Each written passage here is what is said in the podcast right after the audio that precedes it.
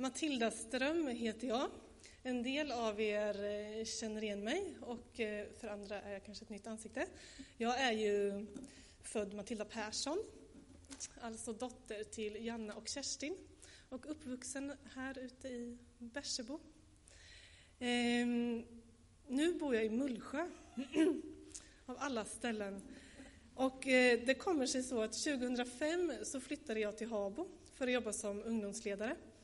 Och efter två år som ungdomsledare så sa jag upp mig ehm, och funderade på, men hade liksom ingen, visste inte vad jag skulle göra istället. Jag hade ingenting som drog mig åt något håll. Men jag sa ändå upp mig av någon anledning. Men fick aldrig frid över det beslutet. Eh, så jag tog tillbaka min uppsägning. Och det kunde man visst göra, så att jag gjorde det och fick fortsätta i församlingen och fortsatte ett och ett halvt år till och under det ett och ett halvt året så träffade jag Jonas, eller vi hade nog träffats innan, men eh, vi eh, började umgås och blev ett par. Och han sitter här, och det är min man, Jonas Ström. Och därför blev vi kvar i den trakten. Jag läste sen till sjuksköterska i Jönköping och eh, så flyttade vi till Mullsjö och har bott i Mullsjö i tio år. Och vi har eh, tre barn, Ester, Rut och Tage. Ester är sju år, Rut är sex år och Tage fyllde fyra år i fredags. Så igår hade vi kalas för honom. Eh, så att ni förstår att det här med fritid och så finns inte så jättemycket utan det är mycket familje, familjen som tar tid. Eh, och jag jobbar nu som skolsköterska på en gymnasieskola i Jönköping, deltid. Och nu i höst har jag läst en bibelskola på distans, Bibelskola nära. Den kan jag verkligen rekommendera. Jag vet inte om ni känner till den. Jag har fått för mig att den också utgår från Liljeholmen, men jag vet inte om det är helt sant. Eh, den utgår i alla fall från Hyllie Park folkhögskola.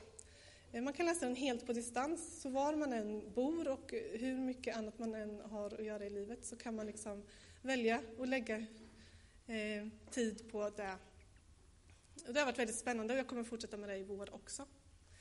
Eh, vi är med i Pingstförsamlingen i Mullsjö och där är jag engagerad i ungdomsarbetet och är med i församlingsledningen. Och ibland får jag frågan att predika. Nu var det länge sedan jag predikade, så det här ska bli spännande och det är jätteroligt att vara här. När jag har funderat på den här predikan så är det ett bibelord som har återkommit till mig hela tiden som jag inte kunnat släppa. Och det är Omvänd er, himmelriket är nära. Det står i Matteus 3 och 2. Och det är Johannes döparen som säger dem. Och jag kommer nu läsa hela det sammanhanget där det står i, fast jag väljer att läsa från Lukas eh, kapitel 3, vers 1-18. Och Lukas han är väldigt noga med att placera in händelser i tid. Ni känner igen det från julevangeliet, att han talar om vilka som regerade och vad som var ståthållare här och var. Jag är inte lika noga med det, så jag börjar i eh, en bit in i vers 2. Men det här händer ju innan Jesus har börjat sin tjänst, innan han har blivit döpt. Så kommer Johannes. Då kom Guds ord till Sakarias son Johannes i öknen. Han gick ut i hela området runt Jordan och förkunnade omvändelsens dop till syndernas förlåtelse, som det står skrivet i boken med profeten Jesaja ord. En röst ropar i öknen, bana väg för Herren, gör stigarna raka för honom. Varje dal ska fyllas, alla berg och höjder sänkas. Det krokiga ska rätas, ojämna vägar ska jämnas och alla människor ska se Guds frälsning. Han sa nu till folket som kom ut för att döpas av honom, huggormsyngel, vem har visat er att ni ska fly den kommande vredesdomen? Bär då sådan frukt som hör till omvändelsen. Och börja inte säga inom er att vi har Abraham till far, för jag säger er att Gud kan väcka upp barn åt Abraham ur dessa stenar. Yxan är redan satt till roten på träden. Varje träd som inte bär god frukt huggs bort och kastas i elden. Folket frågade honom, vad ska vi då göra? Han svarade dem, Den som har två tunikor ska dela med sig till den som ingen har, och den som har mat ska göra på samma sätt. Även tullindrivare kom för att bli döpta, och de frågade honom, Mästare, vad ska vi göra?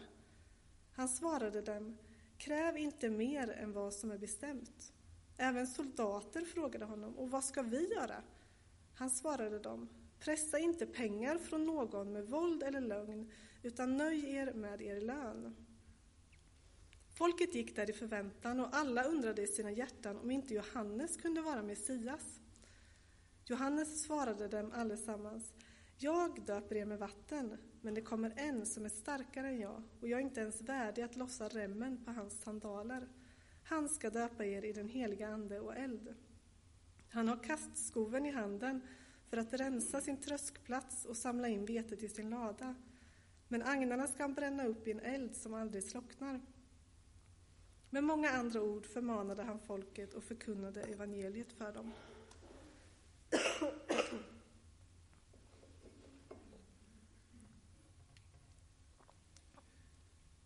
Det här är en ganska skarp text. Och jag kommer nu dela lite tankar kring den texten med er. Förra året var ju november en ovanligt eh, grå månad. Alltså det var så grått. Det kändes som det aldrig blev dag. Det var som att det var mörkt hela tiden. Det låg ett ständigt mörker. Vi kan se barnens skola rakt över sjön.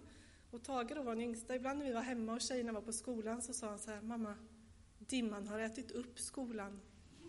Och det var ju så det kändes, man blev liksom uppäten av det här gråa. och jag kollade statistiken och Norrköping hade 24 soltimmar under hela november. Och då räknade jag ut att eh, november hade 720 timmar. Nu var ju en del natt, men ändå 24 soltimmar i november. Och bara det här att få se en strimma ljus gjorde mig så glad under den månaden. Men en dag så kom solen med besked. Det var strålande sol. Och vilken lättnad det kunde kännas. Och den här, ja, solen värmde, det kändes gott. Det var härligt. Men, för det fanns ett men. Jag såg hur smutsiga mina fönster var. Vi har ett skjutdörrsparti ut, eh, ja, som man ser utsikt över sjön. Och de, jag såg hur mycket fingeravtryck, hur mycket damm, ursäkta, fluglortar och all pollen, alltså all smuts syntes helt plötsligt. När det var grått ute då hade jag inte ens tänkt på det. Eh, men när ljuset kom då avslöjades smutsen och att jag inte hade skött min fönsterputsning. Och jag tänker att det kan vara så i våra liv. I dagens samhälle är ju inte ordet synd något modeord direkt. Utan, ja men det som känns rätt för mig, det är okej. Okay. Det är flera av er som levde under syndakatalogens tid kan jag tänka mig. Jag har ju inte upplevt det, men jag tänker att det är stor skillnad mot hur det var då, då det var tydligt vad som är rätt och fel. Idag är det en stor gråzon kan jag uppleva och man får avgöra själv vad som känns rätt. Vi utgår mycket från vår egen sanning, det finns ingen sanning så, utan vad är sanningen för mig? Vad tycker jag är rätt att göra? Vilken känsla? Man bygger mycket på sin känsla. Ehm, vi ser kanske inte att vi syndar så mycket, eller vi pratar inte så mycket om det, inte i samhället, att vi syndar. Men synd är ju att inte följa Guds vilja. Att inte fråga honom, vad, vad är din vilja, vad är det du vill? Utan att vi kör vår, vårt race, vi utgår från oss själva. Och många gånger synkar ju vår vilja med Guds vilja, men att vi glömmer fråga honom. Jesus var ju syndfri. Det står att han, han gjorde bara det han såg Fadern göra. Han gjorde bara Guds vilja. Han gick till och med i döden för att det var Guds vilja. Vi vet att han i ett semene ber att ta ifrån mig det här, låt mig slippa om det går, men låt din vilja ske. Och han går i döden för oss. Och Bibeln berättar om hur vi som troende inte har vårt medborgarskap i den här världen, utan i Guds rike. Och att vi lever i den här världen, men att vi inte ska leva av den här världen. Men när vi lever i den här världen eh, så är det lätt att vi påverkas av det som gäller i samhället just nu, de värderingar, det som tycks och tänks och liksom de strömningar som är. Eh, och man tänker, ja, men det var nog inte så farligt det som jag gjorde. Det kändes ju ändå ganska bra, eller det, nej, det var nog ingen fara. Eh, man, man känner kanske inte så ofta skuld för saker. Vi tar inte på oss skuld för saker som vi gör. Jag tänker att det är lite som att leva i den här novembergråheten. Att vi ser inte synderna i vårt liv eller fläckarna som vi får på vårt hjärtas fönster när vi lever i det. Men Carolina har läst i inledningen att Jesus säger jag är världens ljus. Och jag tänker att när han får lysa på oss, precis som vårsolen får lysa in och värma oss, då får Jesus lysa upp våran gråhet. Och då, det är mycket positivt med det. Men då avslöjas också de här fläckarna. Då, då uppenbarades det för oss vad vi faktiskt behöver ändra på i våra liv. Och det kan man ju tycka är jättejobbigt, och det kan det vara. Men jag tänker att egentligen är det inte så farligt. Det står i Romarbrevet 3.23 att alla har syndat och saknat härligheten från Gud. Så det är inte det att du eller jag blir avslöjade som den enda syndaren i världen, utan vi är i gott sällskap. Eh, vi är inte odugliga människor, utan vi är människor och vi syndar. Men det är först när vi inser att vi är syndare som längtan efter att tvättas rena kan väckas. Det är då först som vi förstår liksom behovet av räddning. Det står i Johannes evangeliet kapitel 16 och vers 8 att den helige Ande ska överbevisa världen om synd, rättfärdighet och dom. Så jag tänker att när vi börjar inse att vi är syndare, det är då den helige Ande börjar sitt verk i oss. Men vad gör vi då när synden avslöjas? Gömmer vi oss för ljuset och hoppas på fler grå dagar så att vi kan fortsätta leva på det sättet vi gör? Utan att bli avslöjade? Låter vi våra fönsterrutor fortfarande vara smutsiga? När ljuset lyser in på mina fönsterrutor, då blir jag sugen på att få dem rena. Så att ljuset liksom obehindrat kan lysa in. Att jag inte behöver se de där fläckarna utan att det obehindrat får lysa in. Och jag tänker att ljuset från Jesus får väcka den längtan i våra liv. Att när vi ser områden där vi behöver leva annorlunda, så vill vi, liksom, när han uppenbarade för oss, då växer en längtan efter att bli rena, att få vända om från det. Men jag är av den meningen att det finns roligare saker än att putsa fönster. Eh, för några år sedan så fick jag en sån här fönsterputsare. Då blev det nästan roligt att putsa fönstren. Man kör med den här först, medlet, sen oh, suger man upp med den här manicken. Men ännu roligare är det ju när någon annan putsar mina fönster. Och eh, jag har haft förmånen att ha min mamma på besök. Förra året så putsade hon våra fönster och eh, något år dessförinnan så sa hon att hon skulle komma och putsa fönstren, men eh, det gjorde hon inte, utan hon anlitade en professionell fönsterputsare som putsade fönstren. Så det var ju kanske det roligaste. Och jag tänker att vi som troende har också förmånen att ha en fönsterputsare. Vi behöver inte putsa våra egna fönster. Vi kan ringa in fönsterputsaren Jesus, han som tagit alla synder på sig och som vill förlåta oss. Som kan tvätta oss rena med sitt blod. Och det enda som vi behöver göra är att inse att vi är smutsiga och be om förlåtelse och säga kom, putsa mina fönster, gör mig ren. Men eh, ni som putsar fönster, ni vet ju att eh, de blir ju fort smutsiga igen. Alltså det är ingen engångsgrej. Utan vi behöver göra det om och om igen, putsa våra fönster. Och också att när vi säger kom jag mig ren, att vi har viljan att inte fortsätta leva på det här sättet som gjorde att vi smutsade ner våra fönster utan att vi får vända om från den och försöka att leva efter Guds vilja.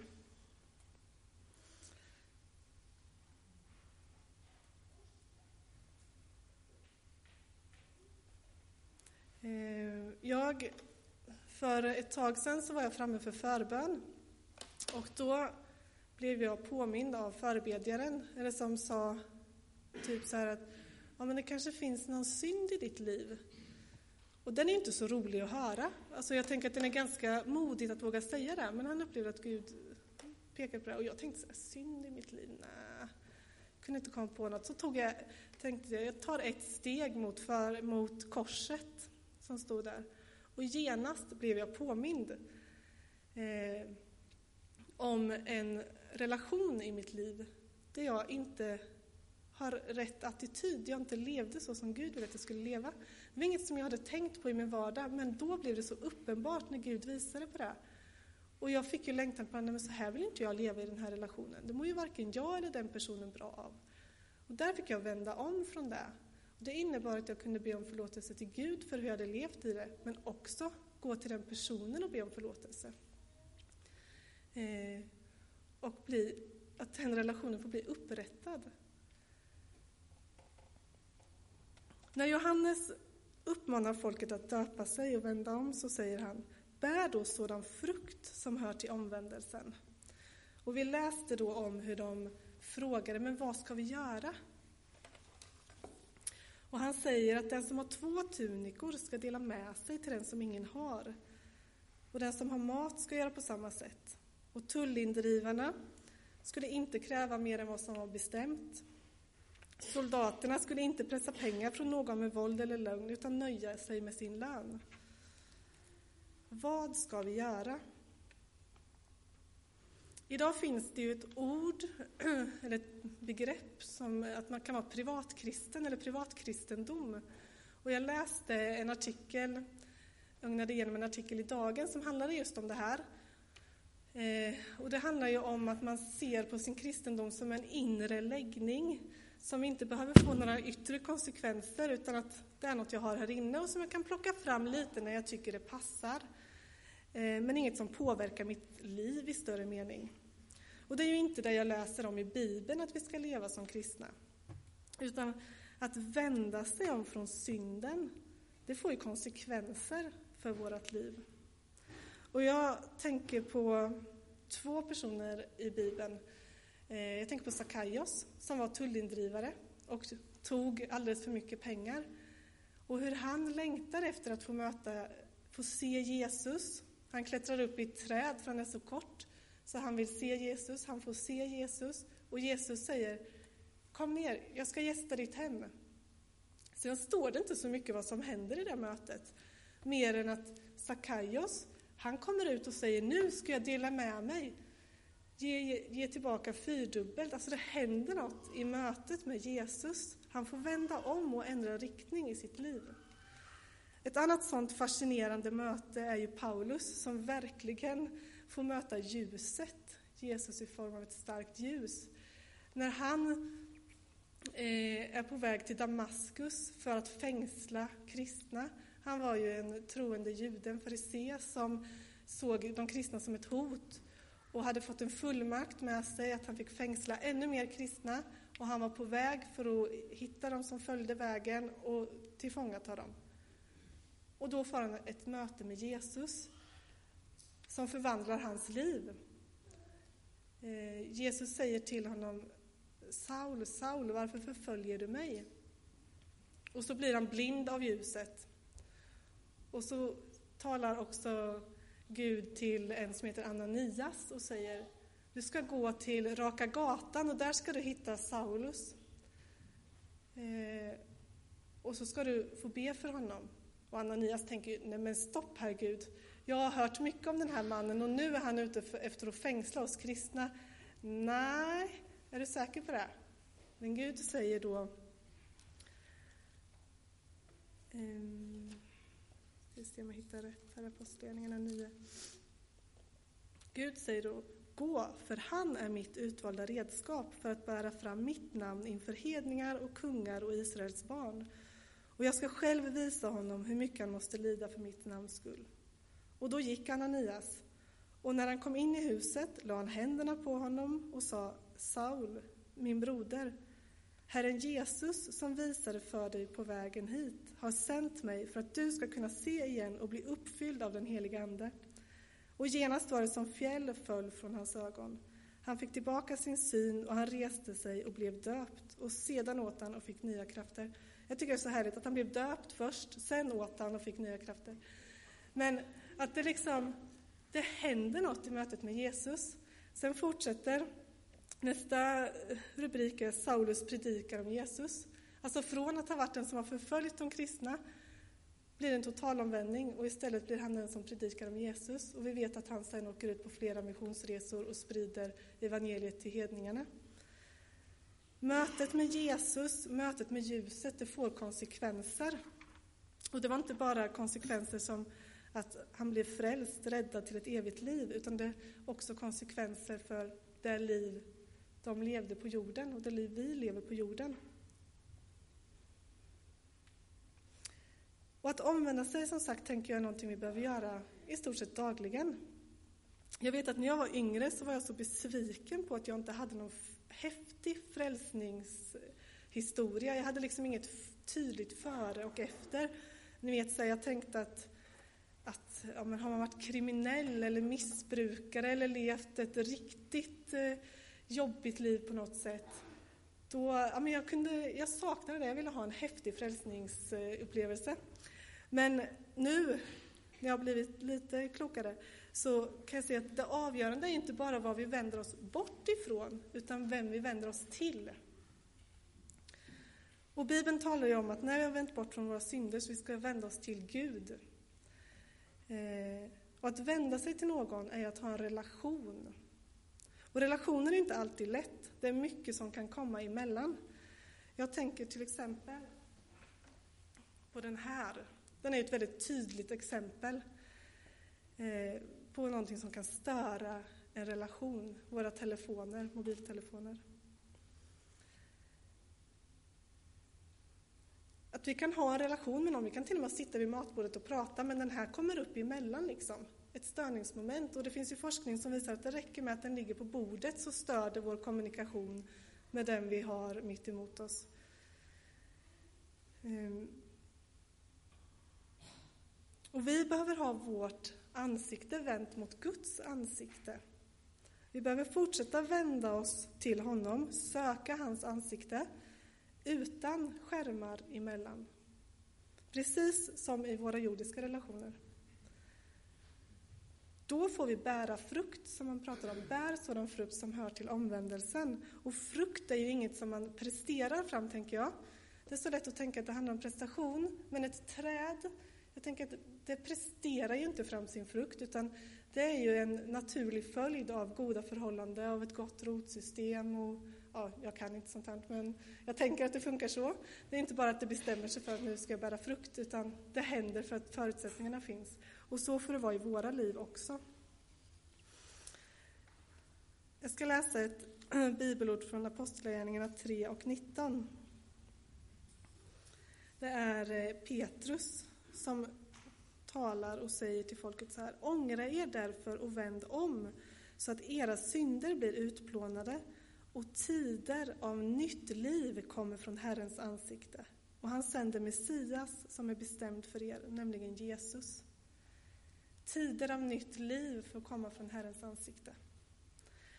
Och när Johannes talar, i den texten som vi läste först, om att Jesus, då är ju Jesus på väg, han förbereder ju vägen för Jesus. Och han säger att himmelriket är nära. Jesus tog ju himmelriket, eller Guds rike, ner hit till jorden. Och vi kommer inte se det i dess fullhet förrän ondskan är helt utplånad. Men jag tänker att vi är ju bärare av Guds rike nu. Genom att vi har en helig Ande i oss så får vi bära Guds rike.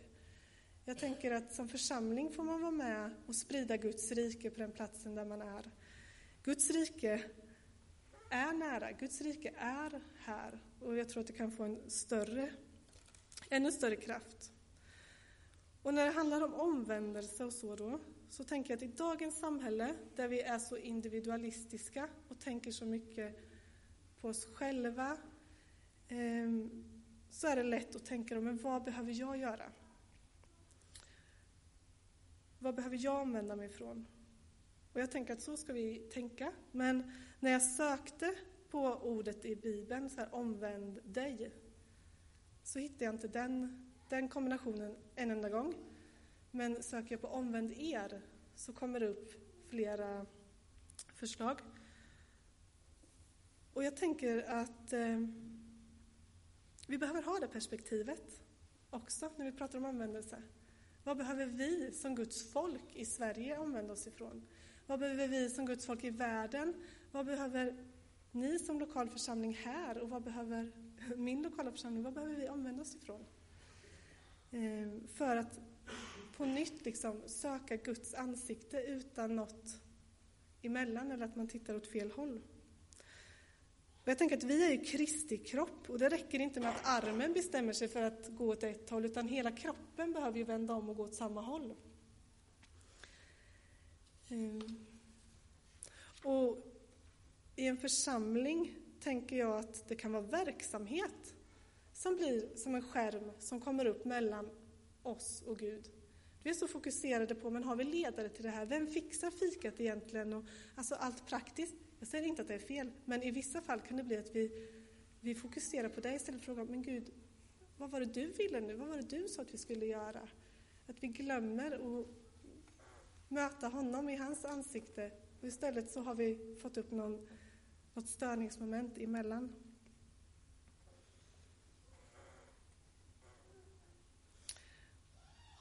Och jag tror att, eh, att vi kan få bära frukt. Att vi kan få söka Guds ansikte ännu mer. Att vi kan få bära frukt.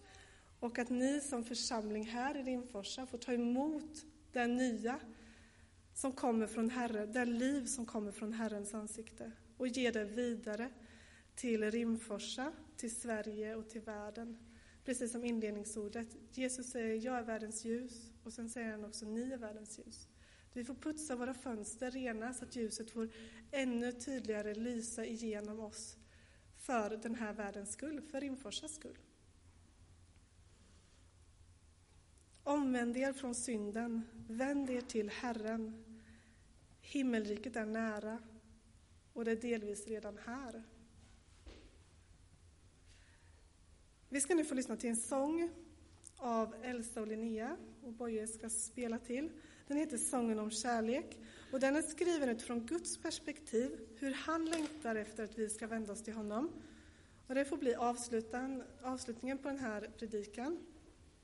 Men jag skulle också bara vilja ge några små korta inbjudningar. Det kommer finnas möjlighet till förbön här framme och längst bak. Och det är Emelie och Paula som är förebedjare. Men jag tänker också att vi får be för varandra i bänkarna om man vill det, eller om man vill böja knä. Och i det här med omvändelsen, Johannes döper med vatten, men Jesus står att han ska döpa med helig ande. Att vi får ta del av den heliga Ande, han får hjälpa oss i omvändelsen. Vi behöver inte klara det själva, och vi har varandra. Det kanske är så att du idag har blivit påmind om någonting som du behöver omvända dig från. Eller att du bara längtar efter att ja, men jag vill ha det där mötet med Jesus, där hans ljus får komma in i mitt liv. Det kan du få hjälp med att be för. Och när vi satt och bad här innan gudstjänsten så fick jag den här bilden av eh, i berättelsen om den förlorade sonen, om hur fadern står där med öppna armar och blir så glad när sonen som har varit borta kommer tillbaka. Jag tänker att det är den guden vi har som står där och längtar efter oss, att när vi omvänder oss och på nytt kommer, vill gå mot honom, då står han där med öppna armar och tar emot oss.